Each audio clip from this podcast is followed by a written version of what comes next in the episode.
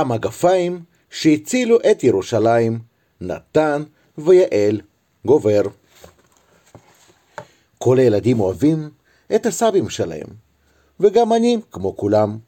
כשהייתי ילד, סבא שלי גר בירושלים, ואני גרתי בתל אביב, ותמיד התגעגעתי אליו מאוד. לכן, בכל חופש, גדול וקטן, הייתי נוסע באוטובוס לירושלים כדי להיות איתו.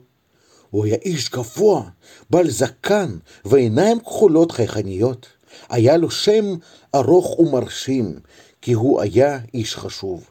ראש שכונה בירושלים, שזה היה כמעט יותר חשוב מלהיות סבא שלי.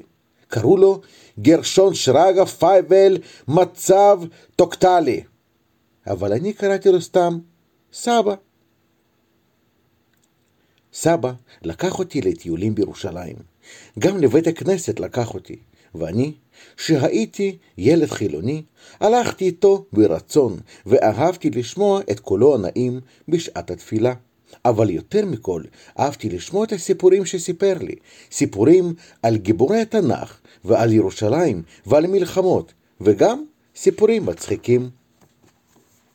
פעם אחת היינו בשוק מחנה יהודה. סבא נופף לשלום למכריו היהודים, ולערבים אמר סלאם עליכום, וכולם השיבו לו בחיוך רחב. התיישבנו בדוכן פלאפל, וזה היה הרגע לבקש סיפור. סבא כחכך בגרונו הרבה מאוד זמן, משך בזקנו, לטף את ראשי ואמר, יש לי סיפור מעניין להיום, אתה מוכן? כן, עניתי בשמחה, והוא סיפר. לפני הרבה שנים, עוד לפני שקמה מדינת ישראל, היה בעיר רבת עמון, שמעבר לירדן, אמיר אחד, שזה כמעט כמו מלך. היו לאמיר מגפיים מפוארים, משובצים באבני חן נוצצות, ואיתם ועם חייליו, שרכבו על סוסים פיריים, הוא נלחם ונלחם, עד שעייף, וגם מגפיו עייפו. יום אחד ראה משרתו שהאמיר עצוב. שאל אותו אמיר מכובד, מדוע אינך עצוב? השיב לו האמיר, ראה את מגפיי, כבר קרועים ובלועים מרוב מלחמות. ואין בכל סביבה סנדלר שידע לתקן מגפיים כאלה. אמר לו משרתו, אדוני האמיר, אל תדאג, שמעתי שבכפר קטן, ליד העיר רבת עמון, גר סנדלר מומחה מירושלים. אולי ידע מה לעשות במגפיך הבלועים. מיד ציווה האמיר להביא את האיש לפניו. הביט האמיר בסנדלר, וראה לפניו איש גבה קומה, ולא זקן שחור, וחובה לראשו. הוא מביט בעיני האמיר בלא פחד ומורא, ולא משתחווה, כי אסור ליהודי להשתחוות לאיש. נדהם האמיר מחוצפתו של הסנדלר, אבל לא העיר לו, כי העריך את אומץ ליבו. שאל האמיר, מה מעשיך כאן, רחוק ממולדתך? ענה לו האיש, אמיר נכבד, באתי לפה עם אשתי ושני ילדיי מירושלים. שליטי העיר רצו לגייס אותי לצבא שלהם, אבל אני אינני חייל, סנדלר אני, כמו אבי וסבי וסבו של סבי, לכן ברחתי לכאן. ידעתי שלא תגעו בי לרעה, כי שכנים אנחנו, וגם בירדן זקוקים לסנדלרים. יפה, אמר האמיר. יפה, אם ככה, רואה אתה את המגפיים האלה? האם תוכל לתקן אותם? פחד הסנדלר את מגפי האמיר ואמר, יסלח לי אדוני האמיר, אבל מגפיך בלועים וקרועים מדי, אם תרצה, אתפור לך מגפיים חדשים, יפים מאלה, שירשרשו עם כל צעד. ירשרשו עם כל צעד? התלהב האמיר, הכיצד? את זאת לא אוכל לגלות, אמר הסנדלר. זהו אה, אה, סוד שמור במשפחתי מדורי דורות. שתק האמיר שתיקה ארוכה, ולבסוף אמר, שיהיה כך. ומה תבקש? רק אור משובח, ורך, ונפט טהור וזך, אמר הסנדלר. הופתע האמיר מבקשותיו המוזרות של הסנדלר, אך בכל זאת ציווה על משרתיו להעביר אותו מיד לרבת עמון, ולתת לו בית נאה, ובית מלאכה מצויד. שלח האמיר שליחים בכל הממלכה לחפש אור משובח, ורך, ונפט טהור וזך. חיפשו חיפשו ומצאו, והביאו הכל לסנדלר. יום ולילה ישב הסנדלר בבית המלאכה היפה שנתן לו האמיר. גזר פה, תפר שם, דפק ושייף, הבריק ומרק, ומרק. ולבסוף, לפני הצחצוח האחרון, טבל פיסת אור קטנה בנפט הזך, ותחב אותה בסוליית העקבים העבים, כפי שלמד מאביו ומסבו, ומסבו של סבו. איש לא הורשה להיכנס ולראות את מעשיו עד שסיים את מלאכתו, והביא את המגפיים המוכנות לאמיר. כינס האמיר את כל יועציו באולם הגדול, והסנדלר הוציא את המגפיים מילקוטו, והניף אותם באוויר לפני האמיר. המולת ההתפעמות השמיעו כל הנוכחים, מגפיים יפים כאלה לא ראו מעולם. הוריד האמיר את מגפיו הבלועים, ציווה להביא לו גרביים נקיים, ונעל את המגפיים החדשים. החל ללכת ימינה ושמאלה, והם התאימו בדיוק לרגליו, והבהיקו באור השמש. וכשצעד השמיעו המגפיים קול חריקה. רשרוש דק וענוג, שנעם כל כך לאוזניו של האמיר. הוא נופף בחרבו מרוב שמחה, ואף רקד כמה צעדי ריקוד קלים, וכל יועציו מחאו כפיים.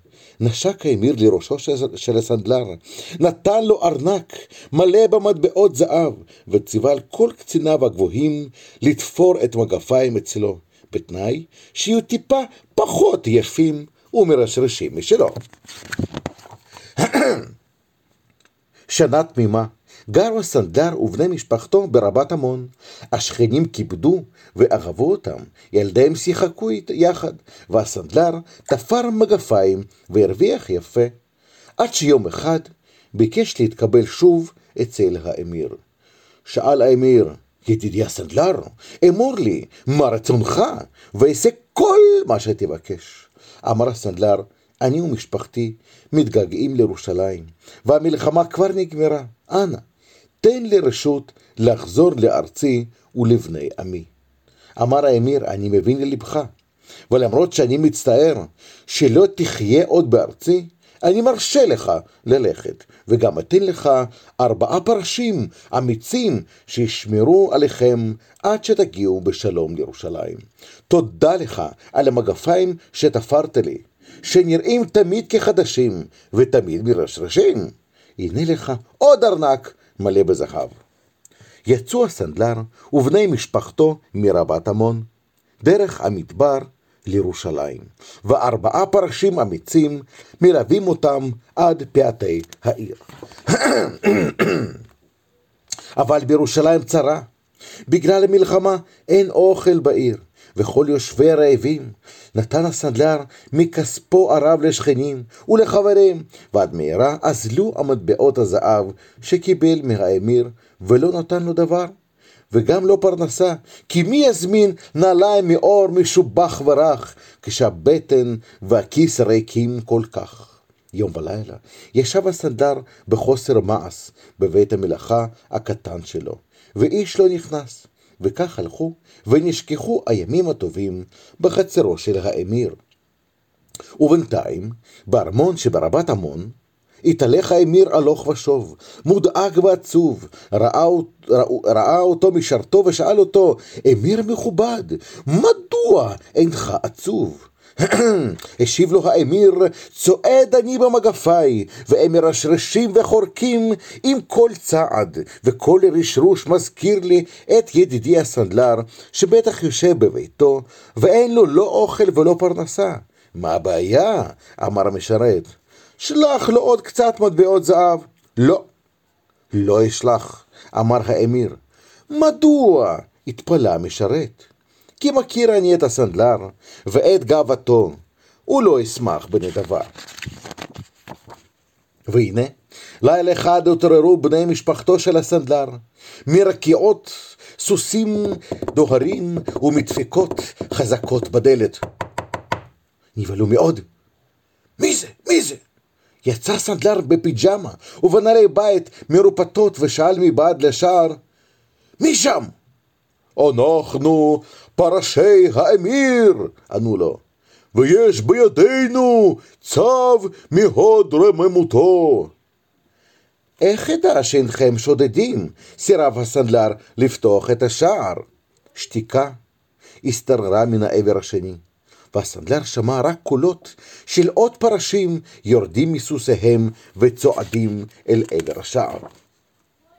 לפתע נשמע צליל מוכר ומרקיע, רשרוש דקיק. הכיר הסנדלר את רשרוש העקבים של הפרשים ופתח את הדלת. נדחקו הפרשים דרך הפתח הצר, שולחים קודם את מגפיהם הנעים, ורק אחר כך את גופם המגודל. עמדו מול בני המשפחה המבוהלים וקראו את הצו.